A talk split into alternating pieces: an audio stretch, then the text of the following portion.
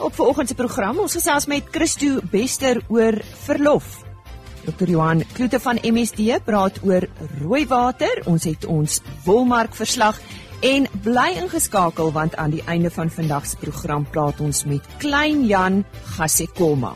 En hy sê as jy wil boer, moet jy leer Afrikaans praat. Ek het hom by die Agri Expo Livestock uh, ontmoet en uh, ja, 'n lekker gesprek wat ek met hom gehad het. Goeiemôre, dis Lise Robert wat sê hartlik welkom by RSG Landbou. Rooi water is een van die veesiektes wat die grootste verliese onder beeste in Suid-Afrika veroorsaak en ek gesels nou met Dr. Johan Kloete van MSD hier oor hierdie siekte en natuurlik hoe dit oorgedra word en hoe boere dit kan beheer. Nou Johan, verduidelik eers vir ons wat is babesiose en in watter diere kom dit voor? Goeiemôre Lise, um, baie dankie vir die geleentheid. Goed, so babesiose is maar net ons wetenskaplike beskerm uh, bestryding vir uh, rooi water. En daar is basies drie dierspesies wat rooi water of bosluiskoors kry. En so dit is honde kry bosluiskoors of babesiose, perde kry dit en dan natuurlik vir lewenhawe produsente beeste kry beeste ook ehm um, babesiose of bosluiskoors en daar's twee soorte van die bosluiskoorsiektes wat uh, die uh, beeste kry. Dit wat ons algemene taal het ons die sogenaamde Afrika rooi water, dit is die kom ons noem hom sê hy is die makker rooi water of bosluiskoors wat die beeste kry en dan ons die Asiatiese of die Europese, dis twee name vir dieselfde siekte, die Asiatiese rooi water wat beeste kry, dis nie meer gevaarlike aggressiewe een en ons verloor baie meer beeste deur daai Asiatiese bosluiskoors of uh, wat beeste kry op babesiose. Uh Johan, wat is die simptome van rooi water in beeste en en en hoe word dit behandel? Ons het in rooi water het ons die Afrika rooi water en wat daar gebeur is die parasiete wat deur die blou bosluise en die rooi potjie bosluise oorgedra word, val die rooi bloedselle van die bees aan. So men navolg in die bloedselle. Die oorsaak dat die bloedselle oopbreek en pas en daai inhoud die hemoglobien word vrygestel en ons sien dit dan in die in die urine uitgeskei. Die so die bloed wat afgebreek word sien ons onder andere in die urine. So ons algemene taal dan sê ons dit is rooi water. Die dies urineer rooi water. Die die mens ontwikkel ook 'n koors en 'n bloedarmoede en word swak en dan natuurlik onbehandelde beeste vrek van die siekte rooi water wat Afrika rooi water is, waar die rooi urine sien. Dit kan ons behandel met produkte wat twee waarvan daar twee aktiewe in die mark is. En die een bevat die imidikarp en die ander een bevat die minazine. En die twee aktieves wat daar is het uh, werking op die rooi water uh, bosluiskoors of die babesiose parasiete en maak hulle dood en um, dit is dan natuurlik in die hande beskikbaar. Wat van serebrale rooi water? Brei bietjie uit hieroor. Serebrale rooi water is wat ons noem die meer aggressiewe rooi water, nie eintlik rooi water nie, maar meer dat die siose of die bosluiskoors en die simptome wat ons kry is dat die bees ontwikkel senuwee simptome. Hy het uit die aard van die saak ontwikkel die bees ook koors omdat die parasiete bietjie anders te in die dier reageer. Dis 'n kleiner parasiet op die dier en die parasiete wat hulle doen is hulle veroorsaak dat die liggaam sy bloedselle eintlik aanval en dan in 'n klein bloedklontjies veroorsaak dwars deur die liggaam. En die orgaan wat dan die eerste die vinnigste daardeur geaffekteer raak is die brein. So dit veroorsaak bloedstollings binne in die klein haarvate in die brein en dan kry jy areas in die brein wat begin uh vrot en met ander woorde die beeste brein word dan eers aangetast en dan ontwikkel daai disease simptome. 99.9% ek wil amper sê 100% van daai beeste strek as gevolg van die die gevolg van die siekte en wanneer jy daai disease simptome met 'n beeste wat aggressief is en koors het, jy kan dit verwarm met hartwater, jy kan dit verwarm met hondstolheid, daai beeste meeste van hulle vrek. Johan, is daar voorkomende en stof teen rooi water? Ja, daar is in die mark is daar twee voorkomende bloed instowwe by dit wat ons daarby bedoel is. Dit is instowwe wat van uh, beeste gekollekteer word wat spesifiek uh, voorberei word en gebruik word om hierdie bloed produseer besmette bloed. En daai besmette bloed met die uh, bosluiskoos stamme wat daarin is, is verswakte stamme. En daai bloed word dan aan die beeste gegee en hoe word dit gegee? Dit word onderwys ingedien, ingespuit en dit laat toe dat daai stamme van die bosluiskoos dan in die beeste groei en dan 'n immuunrespons in die beeste um, stimuleer. Daar is natuurlik aanwysings op die foutbeleide van hoe jy moet ophou vir temperatuur of reaksies, maar dit is die beginsel, daar is twee sulke enstowwe ja. En en watter bosluise dra hierdie twee siektes oor?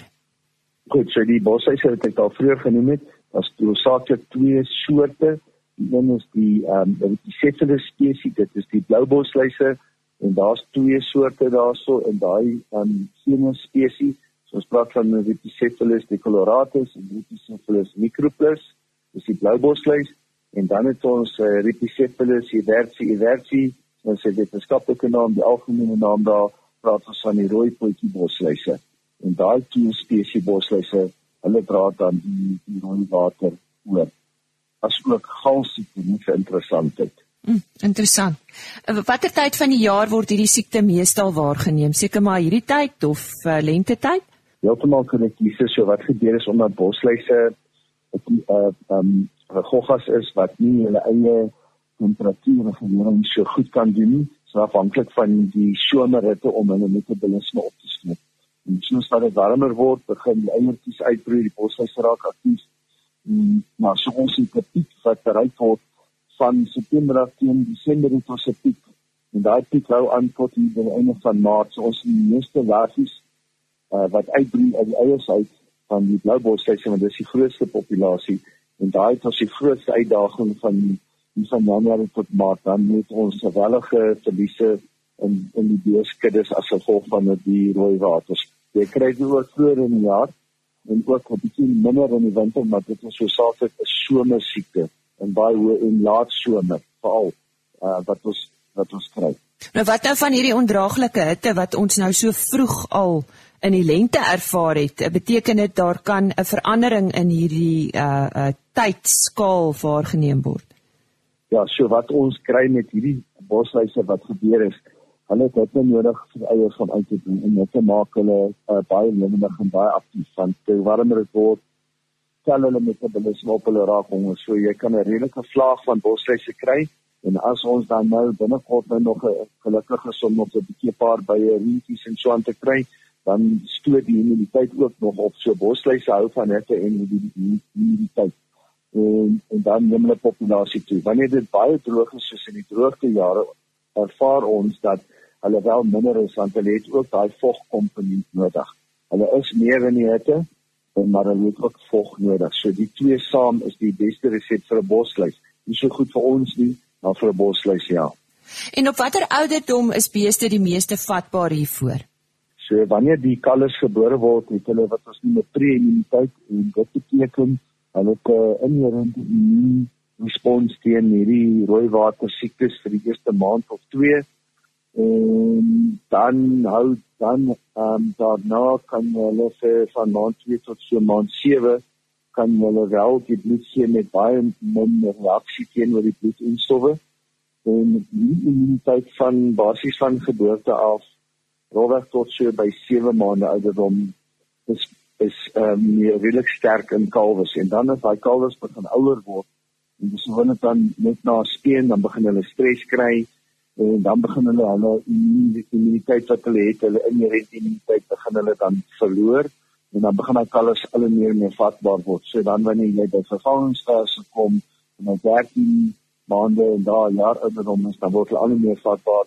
En dan natuurlik diere volwasse diere vatbaar mits hulle nie op 'n gewone basis ehm um, elke jaar basies blootstelling kry aan bosluise en besmette bosluise of geënt word uh, met een van die stamme het het het so basies 'n jaar immuunrespons en ander bietjie langer, miskien 3 jaar, dan begin die immuniteit vir so ouer diere se immuunrespons teen die siekte is baie laag mits hulle nie gereeld blootgestel of geënt word nie. Johanne, my af te sluit enige praktiese wenke om die risiko's van rooi waterbestuur te vergemaklik vir ons produsente? Ja, so in die mark is daar produkte beskikbaar vir ons in die opgietmiddels wat ons gebruik om boshuisbeheer te pas. en dan is daar natuurlik ook die die bosluisbeheermiddels wat inspuitbaar is. So ons kan daai produkte strategies gebruik. So die inspuitbares kan ons spuit het kortwerkende en langwerkende inspuitbare insektisid uh, middels wat veral effektief is teen die blou bosluise en hulle kan ons dan een of twee keer in die somer inspuit ons wil nie te veel gebruik nie want ons sal nie onnodig weerstand stimuleer deur hulle te veel gebruik nie en dan tussendeur kan ons eerste kol behandel of indien dit nodig is die hele bees of met 'n oksiedmiddel oliebasis of alternatiefelik op uh, 'n natbare waterbasis met enige van die aktiewe sora is dan net of heeltemal baal of net koolbaan te doen. Maar die punt is jy moet die beeste, jy moet die beeste ken, jy moet hulle kan sien, jy moet die vel kan voel, jy moet kan bepaal dat daar bosse is. En dan 'n laaste ding is maar softe bosluise in die laat somer, al die blou bosluise want daar massiewe hoeveelheid larfies in die omgewing wat uitbroei. En dan het ons baie uitdagings want hulle dra baie van die die ehm um, die Asiatiese ehm um, ons lê spoors oor wat die dodelike vinnige ene is. En so hy vang jou onverwags sê nie dit verwag nie so pas op in die laat jaar uh, deel van die jaar nes in ander woorde januarie tot maart se koers veral die baie versigtig wees Ja, sê baie dankie vir daardie goeie raad en dit kom van Dr. Johan Kloete van MSD. Hy het met ons gesels oor uh, rooi water En nou nuus oor uh, wolpryse wat onlangs behaal is by veilinge in Port Elizabeth. Die 9de veiling van die 2019-2020 wolseisoen het uh, op 31 Oktober plaasgevind met 'n aanbod van 9767 bale waarvan 97,6% verkoop is. Die mark het 6,8% verbeter teen 'n waarde van R181,48 per kilogram verskoon wol met die Cape Wools alle wol aanwyser wat 6,8% beter gesluit het. Die Australiese EMI het met 3,2% toegeneem. Die rand was 3,3% swakker teen die Amerikaanse dollar en 3,6% af teenoor die euro vergelyke met die vorige veiling. Die nuwe wolseisoen is in volle swang met uh, verskepingsskedules wat normaliseer en redelike stabiele volumes nie teenstaande die voortgesette droogte in groot dele van die Kaap provinsie. Die mark het goed presteer alhoewel die rand teenoor die dollar swakker was. Die grootste sprong was 'n goeie merino, lang en medium lengte spinners en kleedwol style. Kopers het aktief meegeding vir die tipes as ook vir gesertifiseerde lotte. Kortwol het wisselende resultate gelewer met 'n algehele verkoopspersentasie van 97,6% wat die mededinging onder kopers vir langer en medium lengte wol beamoen. Die grootste kopers op die veiling was Medianus met 3011 bale, Standard Wool Suid-Afrika met 2412 bale, Lempriere met 1879 en Tianyu SA met 980. Die gemiddelde skoonwolpryse vir die seleksie binne die verskillende mikron kategorieë goeie lang kampwol tipes was soos volg: 18,0 mikron styg met 4% en sluit teen R194,28 per kilogram. 18,5 mikron neem toe met 5,1% en sluit teen R193,74. 19 mikron verhoog met 5,9% en sluit teen R190,11 per kilogram. 19,5 mikron versterk met 6,2% en sluit teen R186,75. 20 mikron is 4,5% op en sluit op R181,43. 20,5 mikron is 4,9% sterker en sluit op R179,46. 21 mikron styg met 4,8% en sluit op R179,38 en 21,5 mikron het 7% toegeneem en sluit op R179,80 22 mikron styg 3,9% en sluit op R172,58 en 22,5 mikron is 7% beter en sluit op R175,79 Die volgende veiling is geskeduleer vir 7 November wanneer plus minus 12068 bale aangebied sal word. Ons het gisteroggend op RC Landbou met Christo Bester gesels. Hy is natuurlik van die LWO werkgewersorganisasie. Ons het toegesels oor tuistering of intimidasie, presies wat dit is en hoe 'n werknemer wil optree. Nou indien jy hierdie onderhoud misgeloop het, besoek gerus uh, www.agriorbit.com. Daar word ons onderhoude gelaai. Maar vandag gesels ons oor 'n minder onaangename arbeidskwessie, naamlik verlof. En uh, Christo uh, gaan ons nou meer hieroor vertel. Christo, wat is die algemene tipes verlof wat tot werknemers se beskikking is? Dis ja, en die tipes verlof wat 'n werknemer tot sy beskikking het, is val in vier kategorieë. Natuurlik jou algemene jaarlikse vakansieverlof, dan kry jy ook jou siekverlof en dan vir ons uh, vroulike werknemers is daar natuurlik kraamverlof en dan het ons ook die familie verantwoordelikheidsverlof wat aan werknemers toegestaan word. En wat sê die wet oor die hoeveelheid dae beskikbaar vir hierdie tipes verlof? Dis dat elke elke komponent of elke kategorie van verlof het natuurlik sy eie um, aantal dae. As ons kyk na jaarlikse vakansieverlof, kyk ons na 21 aaneenlopende dae. Daar is normaalweg 'n verwarring. Ehm um, wat dit beteken? Dit beteken maar net dat daar so na twee twee dae van 'n naweek word ingesluit wat eintlik 'n werknemer geregtig maak op 15 werkdae verlof. Maar in totaliteit is dit 21 aaneenlopende dae.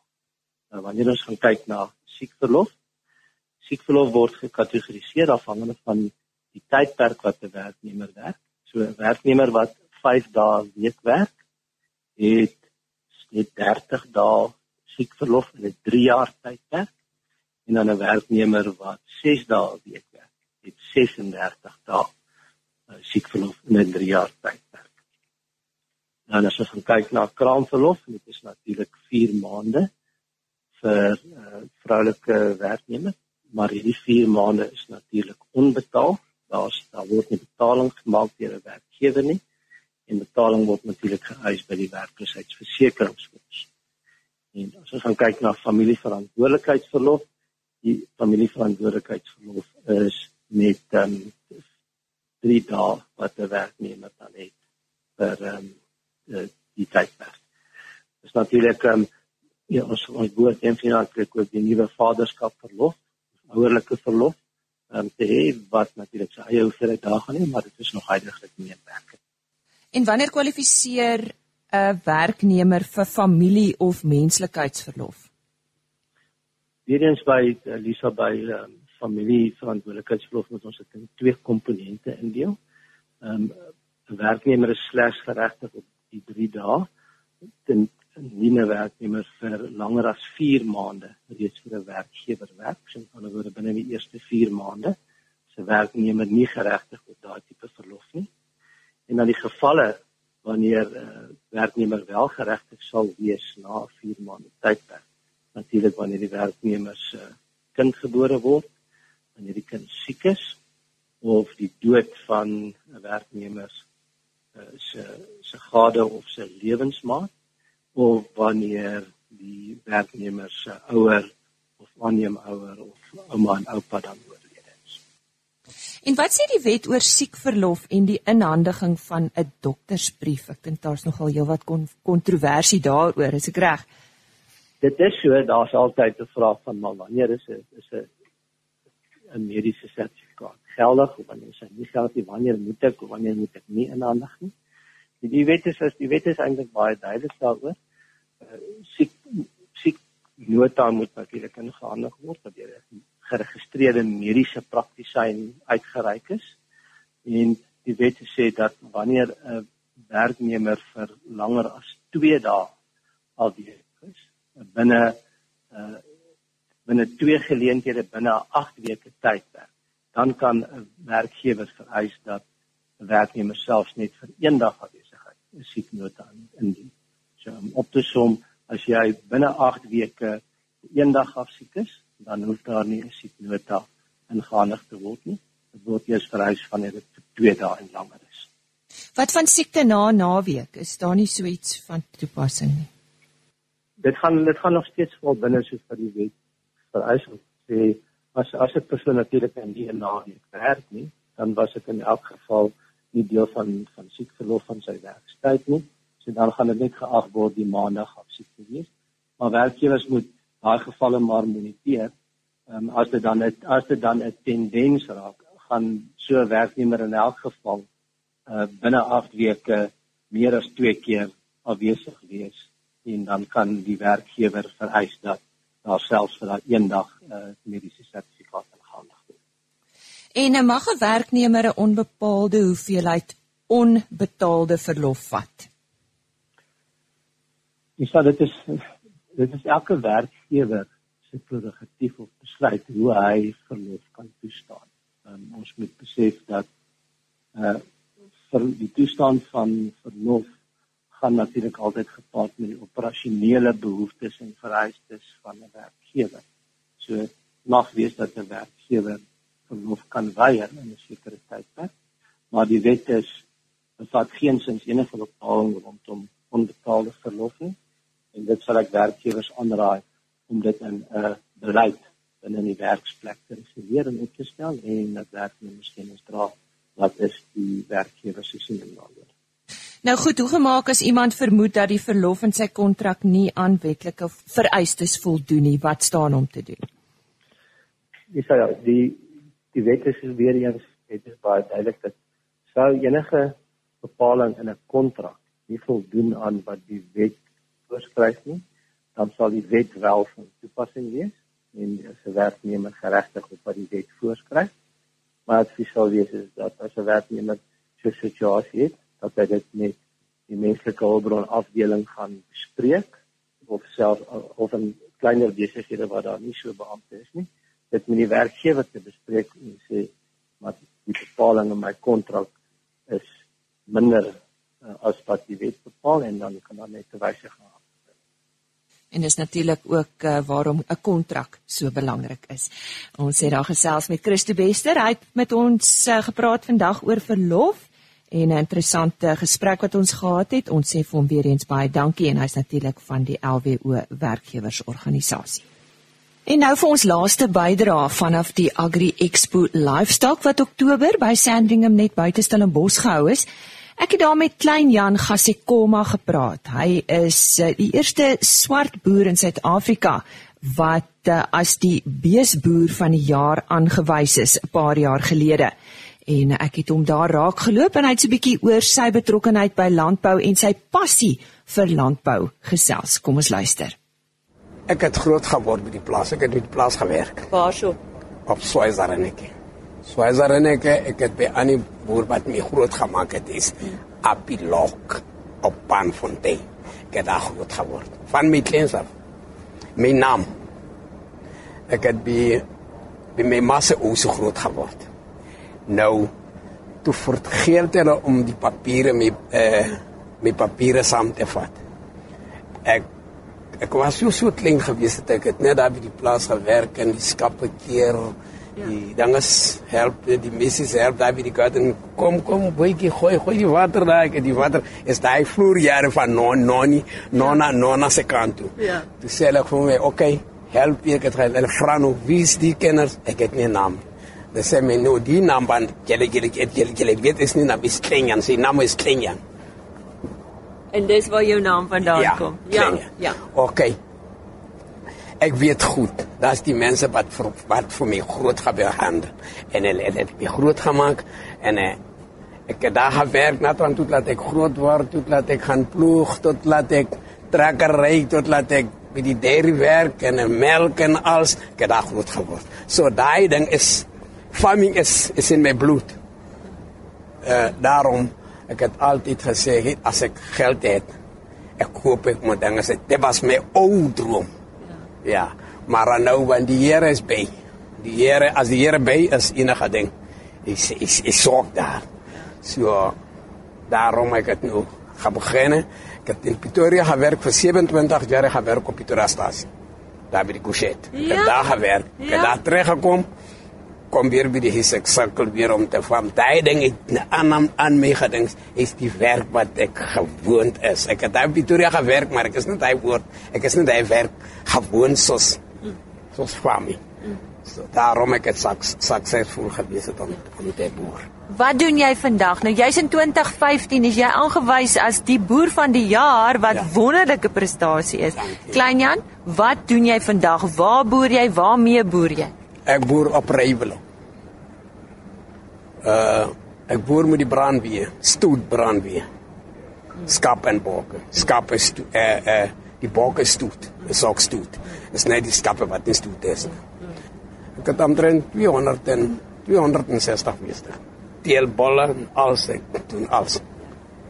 Nou jy was nou vandag een van die aanbieders hier by hierdie dag wat by die Agri Expo Livestock is. En wat het jy vir die mense vertel? Wat is belangrik vir jou? Uh ek het die mense gesê ek het nie so veilig gepraat nie. Ek het so bietjie af en toe gepraat, maar hy's reg. Die wat hulle gehoor het, het gehoor man. Daar's party wat my baie kan gevra. Ek ja. het hulle nou mooi gebedei. Ja. Das ons mense, ek ons ek sê hulle altyd. Ons mense sê hulle altyd, hulle wil nie Afrikaans praat. Ek wil vir julle sê, ek het die, ons mense gesê vandag, maar ek sê hulle altyd sonder Afrikaans. Jy gaan nie boer. Om vir waarheid te sê, kyk ons moet spesifiek wees, ons moet waarheid praat. Sonder Afrikaans jy gaan nie boer. Wie gaan jou help? Want al die mense wat wat wat boer, wat kan boer, wat die wat kan meerjarige boer is die Afrikaners mense. So as ons nie wel Afrikaans dink, wie gaan ons leer boer? En het jy enige vrae gekry toe jy aanbieding gedoen het? Wat, wat wat wil die mense nog weet? Hoe kry jy reg om so 'n suksesvolle boer te wees? Es so es so laat ek die kommersiële boere gevat om vir my te help. Daarom ek die opkomende boere gesê, uh, ons moet die kommersiële dinge gebruik om vir, om vir ons te help. Ons gaan voorgaan. Maar as ons nie die kommersiële boere laat gebruik, ons gaan ons gaan ons, ons gaan nie ver gaan. Reg ons moet los. So klein Jan, wie is jou mentor nou vandag? Wie help jou? Uh my mentor, hy was so Herman gewees het. Hy's nou mentor my nou nie weer nie nou nie, maar uh, ons ons getroude besigheid is aan mekaar. Is is ons ons sal nie oplossings kry. Ons ons, ons is aan mekaar ek en so. Maar so het my goed gehelp. Daarom al al slaap ek ek droom so. Want dit my het my groot dinge gedoen, regtig. En daai man kan vir jou leer. Het my alles geleer moet hande te werk om business te doen als my als geleer als als en my seun my seun doen enige ding pompe reg maak draad reg maak enige ding vir ons help om te weld weld ja. weld met welding machine ja. als deur sweer En sê vir my jou jy jy boer nou, jy het nou vir my vertel waarom jy boer. Wil jy groter word? Wil jy meer doen? Wat wat is jou droom? Wat droom jy? Ek wil ek moet groot ek ek moet ek weet nie wat moet ek ek hoe moet ek sê nie, maar ek wil 'n groot boer wees. Groot boer. Is nou net die geld is nie daar nie, maar as dit die geld by is ek wil ek wil groot groot ja. groot word. En dit was dan klein Jan Gassikoma en soos ek genoem het, ek het hom daar by die Agri Expo Livestock raakgeloop. Hy was ook een van die sprekers tydens 'n bees inligting sessie. Dit bring ons dan aan die einde van vandag se program. Sluit gerus môreoggend weer by ons aan vir nog 'n aflewering van RSG Landbou. Ek gesels dan onder andere met Koert Stok. Hy is die voorsitter van die Pongola Boerevereniging en hulle noem hulle self die suikerboere. Hulle praat oor hulle passie vir rugby onder andere en ook die uh, hulp wat hulle verleen het aan ons uh, drooggetuisterde area in Suid-Afrika en dit is natuurlik die Noord-Kaap. Tot môre dan. Totsiens. RSC Landbou is 'n produksie van Plaas Media. Produksieregisseur Henny Maas. Aanbieding Lisa Roberts. En inhoudskoördineerder Jolandi Rooi.